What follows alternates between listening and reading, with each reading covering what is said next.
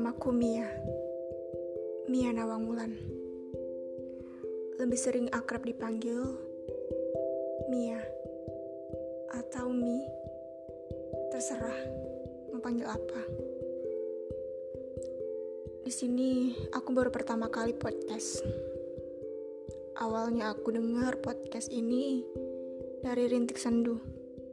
Jadi aku tertarik untuk membikinnya. Asalku dari Cirebon.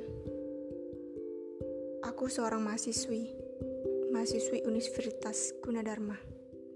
Sekarang aku semester 6. Sebentar lagi aku lulus.